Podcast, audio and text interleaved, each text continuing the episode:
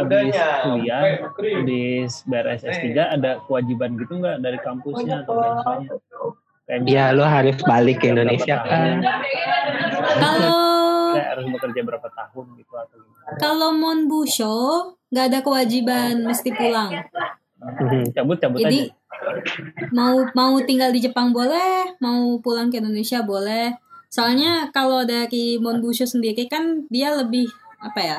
Visinya itu eh jadi orang yang dapat Monbusho tuh bi- jadi kayak bridge antara Indonesia sama Jepang gitu. Ya entah secara budaya atau apa. Jadi itu kan fungsinya bisa dilakuin entah kita di Indonesia atau kita di Jepang. Jadi mereka nggak nggak kan? masalah. Ya, mereka nggak masalah gitu. Kita mau pulang atau mau stay di Jepang. Mereka lebih seneng kita stay di Jepang atau pulang ke Indonesia daripada kita kabur ke negara lain, misal Amerika gitu. Hmm. Gua sih Berhenti ke warga negara eh, nggak apa-apa ya. Soalnya kan ibaratnya kita kuliah di sini pakai pajaknya mereka kan gitu. Mhm. Iya. Tapi kalau LPDP setahu gue mesti pulang, Ya iya itu mah udah pasti. ya kan ya? Mhm.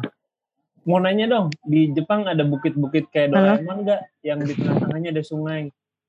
Terus kanan kirinya ada kayak bukit gitu terus orang pada main bola di bawahnya deket sungai. Ada nggak sih? Oh, ada ada ada banyak Oh, ada. banyak banyak banyak. Emang ciri khas Jepang apa gimana ya? Iya kayaknya itu emang emang stylenya kayak gitu deh. Maksud lo yang ada sungai, terus nanti Hmm. kayak ada ada, Ada apa sih? Sungainya. Ada semacam kayak agak luas gitu kan, terus Ah, nanti tuh. agak naik ke atas gitu kan. Iya. Banyak banyak banyak banget. Tujar. Ayo makanya Jal. Pengen ke Jepang mau lihat itu doang. Ya Allah, itu mah liburan aja Jal. iya, iya, makanya gue liburan aja. Biasanya sih kalau kalau depan ada yuk. sungai, biasanya kalau ada sungai gede itu biasanya sih stylenya kayak gitu Jal. Ada buayanya nggak? Enggak. Kalau lu ke sana ada aja ada hal. Kan lu penarik budaya buaya darat soalnya. Iya. ada.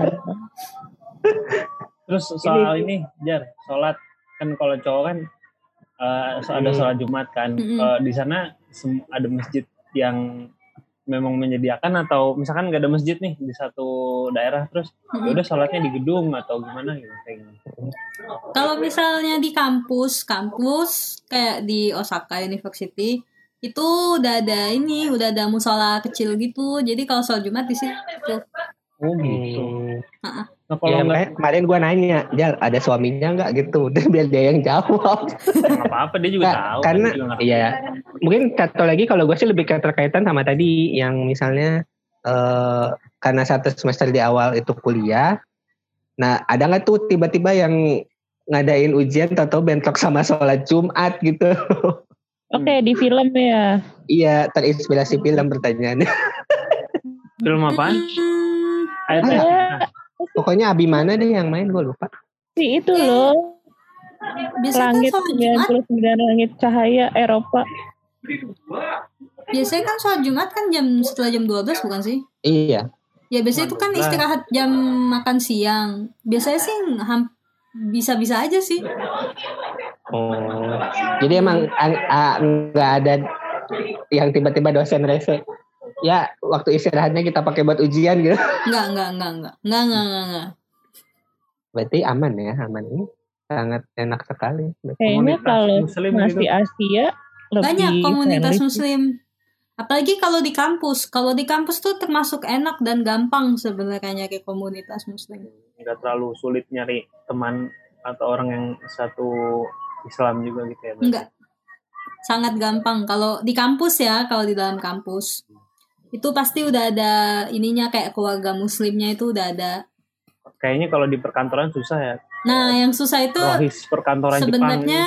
Iya, sebenarnya agak agak susah dan agak kesian itu yang kerja. Ya kalau lu Hmm. gimana? Nah, kalau gue alhamdulillah tempat gue kerja orang muslimnya banyak. Jadi kita ada musola. Hmm. Jadi yang sholat Jumat pun boleh sholat Jumat pakai musola itu buat sholat Jumat. Dan juga nggak terlalu strict ya, maksudnya kan Nggak. bayangan ya Jepang itu kan strict banget gitu kan sama waktu sama apa gitu. Enggak. Ah, di tempat kerja gue sih alhamdulillah enggak ya. Gue mau sholat sholat aja pas mau keluar. Mau sholat zuhur. Hmm. Ya sholat zuhur kan sekalian makan siang. Tapi yang lain kayak sholat asar, Asar. sholat ma- maghrib gitu gue main keluar-keluar aja, nggak ada yang merhatiin. Hmm.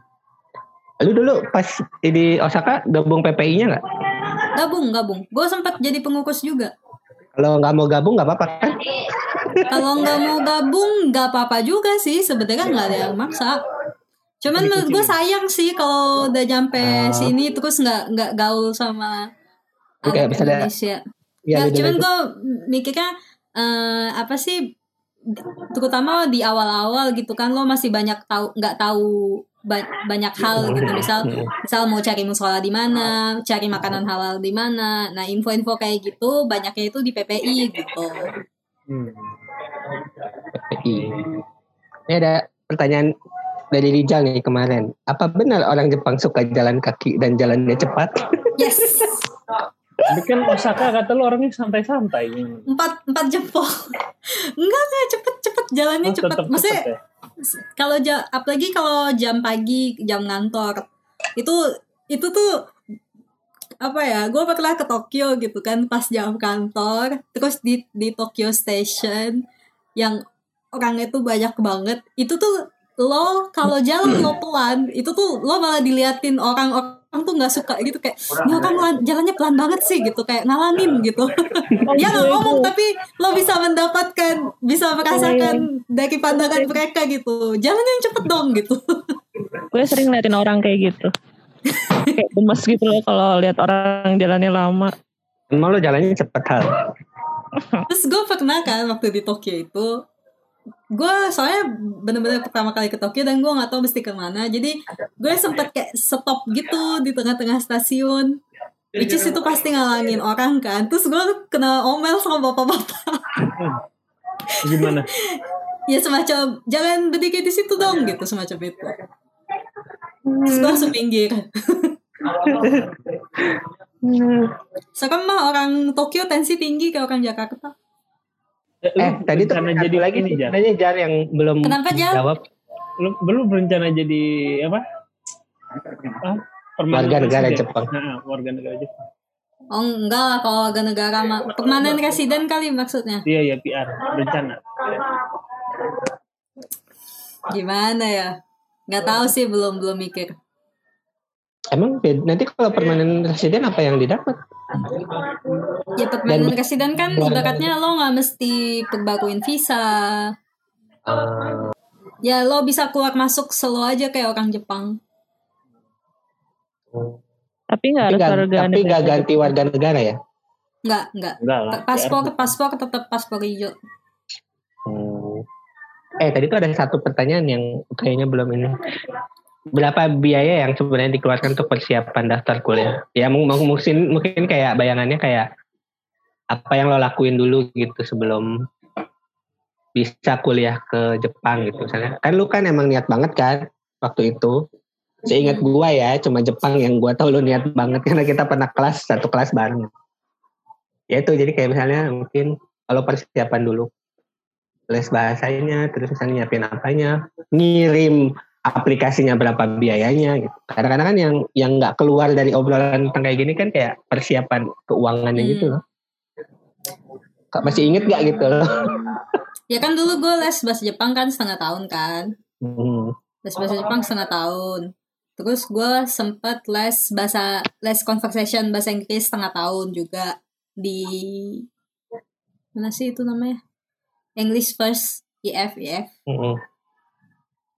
Waktu di Serpong sih setengah tahun les conversation. Soalnya gue nggak pede sama bahasa Inggris gue. Eh, TOEIC ya, TOEIC. Gue ambil Oh. TOEIC waktu itu. Itu berapa tes TOEIC? buat daftar ini daftar sekolah Jepang kan mereka mintanya TOEIC atau TOEFL Oh nggak IELTS bukan ya, gue IELTS salah ya. ngambil. atau enggak IELTS IELTS juga bisa TOEIC TOEFL atau IELTS maksud gue itu cuma cuman TOEIC kan Iya. paling gampang dan paling murah ya udah gue Iya. ambil TOEIC TOEIC tuh berapa sih? Lo inget gak? Bentar dicari ya, berarti teman-teman ya ambil TOEIC. TOEIC Cari harganya. kalau TOEIC di Indonesia 500 ribu sih kan gue Oh. Ya Ya, tapi Jepang emang biasa TOEIC sih. Mereka juga Iya. tesnya malah TOEIC. Entah kenapa nggak ngerti. Ma- malah mereka suka nggak tahu to TOEFL itu apa. TOEFL sama IELTS mereka suka nggak tahu apaan tuh katanya. Oh, terus sama kirim ini, kirim paket ke Iya. Jepang. Kirim formulir-formulir itu kalau pakai waktu itu kan kalau nggak pakai FedEx, pakai TNT itu sekali kirim bisa 500 sampai 500 ribu sampai sejuta. Gila. Lumayan Oke, uh. cepat aja. Cepat halu sekarang bisa ke Jepang. Terus waktu itu sempat gue kurang kurang ini kan sempat ada dokumen yang kurang jadi gue kirim sekali lagi gue kirim dua kali Lumayan. iya terus waktu mau ngurus visa kan mesti ke Jakarta terus bayar visa itu kan udah enam ratus ribu sendiri Bisa mahal. Visa student bayar ya. bayar enam ratus ribu Walaupun lo bilang memang mau ini ya, Beasiswa. mau beasiswa. tetap bayar singkat singkat gue Ini di reimburse nggak? di enggak visa enggak di enggak di reimburse Bayar deh. Terus apa lagi? Visa visa Udah, ya. udah sih itu dong sih sama tiket. Tiket tapi beli sendiri ya. Beli sendiri dulu maksudnya. Enggak tiket langsung dibeliin sama Monbusho Oh jadi lo tinggal kasih tahu gue mau jalan hari ini gitu. Iya, heeh. tinggal kasih tahu mau berangkat tanggal berapa nanti mereka beliin terus tiketnya dikirim. Jadi lo nggak bayar. Hmm. Lu berangkat ke Jepangnya sebulan sebelum mulai kuliah atau Ah, enggak. Kan gue masuk Oktober tanggal 1. Gue baru Hmm. nyampe Jepang itu tanggal 29 September, dua hari sebelum masuk. wadaw? Mm. Tapi kenapa? Oh karena tapi lo udah oh tadi karena lo udah dapat asramanya juga sih ya. Iya, heeh, dapat asrama. Jadi tinggal masuk asrama. Terus besok Oh. lusanya langsung ke kampus. Oh jadi gini, jadi udah nih proses tadi di awal semua lalilu lalilu, lu lu diterima dapat visa terus memang sistemnya untuk si mahasiswa baru yang dari overseas itu akan selalu dapat dormnya dulu gitu, akan dikasih Iya. tahu lo bakal masuk dorm dulu, biayanya segini, lo bayar pakai uang beasiswa lu kan? Kalau uang dorm itu lo bayar setelah lo nyampe Jepang. Iya, tapi maksudnya dari uang beasiswa yang lo dikasih kan. Iya. Emang jadi kayak gitu, terus udah langsung orientasi di tanggal satu itu. Iya, iya. Ah, sama satu lagi. Jadi beasiswa itu baru turun akhir bulan Oktober. Hmm, Jadi lo mesti ada uang sendiri buat hidup lo sebulan pertama. lu bawa berapa berarti waktu itu? Waktu itu gue bawa sekitar 15 jutaan. Itu tapi udah untuk bayar dom bulan pertama juga. Iya. Oh. Iya, itu berarti kan ya berarti harus ada persiapan uang iya. sekitar itu dua ratus ribu ya berarti. Gue bawa sekitar 15 juta. Cukup kok. Iya. 15 juta berarti sekarang 100 ribu yen. Iya. 110-an ya berarti. Iya. 110-an ribu yen. Berarti memang angkanya ya udah email si dosen itu awalnya. Ya Iya. ini Itu yang mengumpulkan menurut menurut gue itu tahap yang paling menguji kesabaran sih email sensei itu. Hmm. Iya iya. Ya apa? Yang penting gue tuh takut gitu. Nah, kenapa takut aja gitu takut dan ya malesnya ada terus kayak aduh ntar gimana ya dibalas sama senseinya gimana? Kalau menurut gue sih email aja, nggak usah takut, email aja. Soalnya nothing tulus juga gitu. Kalaupun mereka nggak bales atau kalaupun mereka nolak lo ya nothing tulus gitu. Ya tinggal Mhm. cari lab lain, berarti emang bukan tempat lo di situ gitu. Hmm. Oke oke. Mungkin ini aja tambahannya. Ya lu foto aja ya. ya. Lu udah kerja berapa lama berarti? Hmm, hampir tiga bulan. Itu ada orientasinya juga? Apa langsung? Ada sebulan sebulan pertama training yang umum sama orientasi. Di perusahaan apa sih? Eh, namanya Micron, Micron Memory Japan, perusahaan semiconductor. Oh. Bikin apa? Eh, kalau yang di Jepang bikin DRAM. Eh, apa sih? random access dynamic random access memory. Nggak ngerti gue. Chip chip chip chip chip HP, chip chip komputer lah Oh. gampangnya. Oh. Agak nggak bukan agak nggak nyambung sih, nggak nyambung banget sama kuliah. Lo bayangin gue kuliah teknik kimia, bioproses, bioteknologi, kerjaan gue bikin chip komputer. Tapi kok bisa aja? Berarti gimana ya maksudnya? eh, apa karena ada background kimianya atau gimana? Ya kalau yang gue perhatiin sih ini sih apa kayak kalau perusahaan Jepang tuh mereka nggak terlalu peduli background lo apa soalnya mereka akan kasih training dari nol. Hmm. Mereka lebih peduli sama eh ya sama pribadi lo, sama personality, sama ya pertanyaan-pertanyaan yang di interview itu lo kayak kekurangan, kelebihan, terus kayak gimana lo nyelesain masalah. Yang kayak kayak gitu mereka lebih lebih lebih Hmm. perhatian daripada background. Berarti kan setahu gue kalau di Jepang itu untuk nyari kerja sebelum lo lulus kan, Ya. seenggaknya. Itu kenapa ya kayak gitu? Sebenarnya kalau menurut gue itu sistem sih, sistem yang udah disetujuin sama pemerintah, sama kampus, sama mungkin sama company-company juga gitu. Jadi ibaratnya biar orang tuh nggak sebisa mungkin nggak nganggur setelah lulus. Hmm. Itu udah sistem sih gitu. Tapi kan tuh jatuhnya kayak misalnya lo lulus duluan terus lo daftar katanya kan jadi lebih susah. Malah lebih susah dapat kerja katanya. Iya semacam itu sih. Iya. Bahkan ada ada senior gue yang dia pas setahun sebelum harusnya dia lulus, dia nyari kerja dan dia nggak dapet dapet, dia memperpanjang kuliah dia setahun lagi. Terus ngapain itu berarti? Ya dia nggak, yang gue ngerti sih dia ngapain, tapi yang jelas jadi dia waktu itu S2-nya tiga tahun. Karena kayaknya sih lebih susah kalau udah keluar buat cari kerja. Berarti kemarin dapat kerja ya udah. Udah setelah eh sebelum lo lulus sebelum lo sidang ya. Ya, gue daftar kerja tahun lalu 2019. Iya. Iya. Dapatnya juga tahun lalu. Iya. Dan kalau lo udah keterima berarti si perusahaan pun udah ngeh gitu. Entar lo jadi jadi karyawan gue, ya udah lo tunggu aja gitu. Gue tunggu Iya. lo sampai lo lulus gitu. Emang kayak gitu sistemnya. Unik ya. Setahun, set- biasanya setahun sebelum lulus itu anak-anak udah dapat kerja. Ya misalnya gue kan mau ngikutin jejak lo gitu ya, ngambil kuliah ke sana. Ya kita udah, gue udah mau 30 tahun tahun depan. Maksudnya kalau misalnya gue lulus S2 berarti kan gue 32 tahun, 33 gitu. Gue lupa ya waktu gue daftar ada syarat umur apa enggak. Mm-mm. ada nggak ya? Kayak gue sih inget gue sih waktu itu nggak ada tulisan batas umur sih. Seinget gue ya. Mm-mm. Sama di sana tuh banyak ini ya, banyak ada agensi kerja gitu ya. Gue lihat di drama-drama gitu, jadi kemarin gue tuh nonton Oh, ini. maksudnya yang ban- bantuin lo cari kerja. Mm-mm. Ya, banyak, banyak. Ada pem dari ya kayak gitulah. Iya, banyak kok, banyak. Tapi memang sebag- sebagian besar masih pakai bahasa Jepang. Jadi kalau misalnya mau kerja di Jepang ya lagi S2 ya sekalian N2 ya. Eh, kalau menurut gue kalau buat kerja, kalau mau enak minimal N2 sih. N3 bisa tapi mungkin agak susah.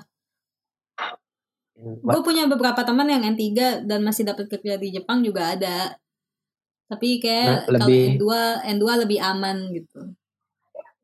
Halo ini langsung karyawan tetap atau gimana? Iya, kalian tetap Karyawan tetap Ya. langsung seumur hidup. as long as gue nggak keluar ya dan as long as gue nggak aneh-aneh. Tapi, tapi di Jepang emang kayak gitu. Apa, Iya, emang kayaknya kayak tetap gitu. masih ada yang sistem kontrak deh. Bukan bukan ada pegawai kontrak ada, tapi biasanya kalau yang masuk yang kayak fresh graduate gitu, yang dat masuknya bareng-bareng itu biasanya nggak kontrak biasanya. Kalau nanyain gaji nggak enak kan ya? Gaji kisaran aja sih paling kalau lulusan S1 itu sekitar misalnya eh, tergantung perusahaan juga sih ya kalau kayak perusahaan makanan dibanding perusahaan teknologi agak lebih perusahaan teknologi agak lebih mahal bayarannya kalau perusahaan kimia atau makanan tuh lebih sedikit lebih rendah. Kalau perusahaan obat agak lebih tinggi. Beda-beda. Tapi biasanya kisaran. Kenapa? NGO Wah, kalau NGO gue kurang tahu sih. Kurang tahu. Tapi kalau misalnya S1 tuh levelnya sekitar 200 ribu sampai 220 ribu yen mungkin sebulan. Mhm. Kalau S2 mungkin sekitar 230-an mungkin sampai 250-an mungkin. S3 mungkin Hmm. lebih di atas itu. Kalau lo ngikutin ritme mereka nggak yang sampai 10 jam? Gue sekarang enggak sih. Mungkin kerjaan juga belum banyak kali ya. Jadi gue Hmm. masih pulang on time. Kalaupun nambah tuh kayak cuma nambah sejam. Terus gue pulang. Tapi di divisi gue sih pada lembur sampai jam 8, jam 9. Duh, duh, duh, duh, duh, duh. Cuman kebanyakan kebanyakan bujang-bujang kan. Kalau nggak bujang beneran bujang lokal. Jadi kayaknya pulang-pulang telat pun nggak masalah gitu. Kalau gue Oh, kan di rumah udah ada suami jadi mau pulang telat juga enak. gitu. tapi suami juga udah dapat kerja berarti. Masih ini masih desertasi kan nanti tanggal dua minggu lagi sidang. Oh tapi maksudnya dia belum apply, maksudnya dia udah dapat kerja Lagi apply atau lagi nyari postdoc lagi apply apply. postdoc Postdoc mau lanjut postdoc, lagi? Postdoc tuh apa ya? Ya, setelah doktoral. Doktoral, Heeh. research Setelah- lagi kan? Research lagi ya. Di kampus atau di institut Emang suami lu jurusan apa sama kayak lu? sama biotek tapi beda lab. Kalau ART gitu hitungannya baito bukan Jan? Tuh di sini tuh jarang deh ART. Jarang, jarang banget. sendiri ya. Jarang, semua orang ngurus rumahnya sendiri. Paling yang ada yang orang kaya banget, sih ya udah. Ya biasanya yang punya yang punya punya asisten rumah tangga kalau biasanya yang kaya-kaya banget sih. Kalau yang masih biasa aja mah ng- ngurus sendiri. Nah, makanya di sini tuh. Kenapa hal? Asistennya TKI. Bukan. Hmm, hmm, TKI enggak ya? Enggak deh kayaknya. Tadi lo mau jawab apa, Jar? Di sini apa tadi? Oh ya, makanya di sini di sini itu biasanya kalau cewek ibu-ibu kalau udah hamil punya anak biasa mereka berhenti kerja Hmm, karena- karena nggak bisa punya pembantu harus ngurus anak dan rumah biasanya mereka baru balik kerja lagi kalau anaknya udah masuk TK mereka udah anaknya udah masuk TK mereka baru mulai kerja lagi. Tapi kan jadi kayak ada gap sekitar Hmm. 4-5 tahunan gitu kan. Hmm, hmm. dan kalau mau mulai kerja lagi setelah lo nggak kerja lima tahunan tuh biasanya mentok-mentok lo kerja di kantor tuh ya jadi apa? Misal jadi sekretaris atau apa gitu. Loh jadi cewek tuh di sini tuh susah mau dapet apa ya mau ngejar karir tinggi gitu tuh susah masih enakan di Indonesia. Kalau buat cewek. Mm-mm. Gap, emang gap gendernya kan lebih tinggi Iya. Jepang dibanding Gap. Indonesia. gap gender di Jepang lebih tinggi daripada di Indonesia. Foto dulu. terus udahan. Gue mau siap-siap buat besok. Soalnya jam berapa, Jar? di sini 8.20 beda 2 jam. Oh, Maghribnya jam segitu juga kan? Jam 8 kan? tadi maghrib sebelum jam 5 udah maghrib Oh. jam 6 udah isya Lo masak apa jar? gue masak baru gue baru mau masak buat besok tadi udah udah makan udah makan malam Jar, di sono ada warteg nggak? Ada beli lauknya aja gitu. nggak ada nggak ada GoFood nggak ada warteg di sini tuh masak aja masak kalau nggak makan di kantin Tapi lo ada ini apa? eh, toko Indonesia. ada ada toko halal gitu ada Mahal ya?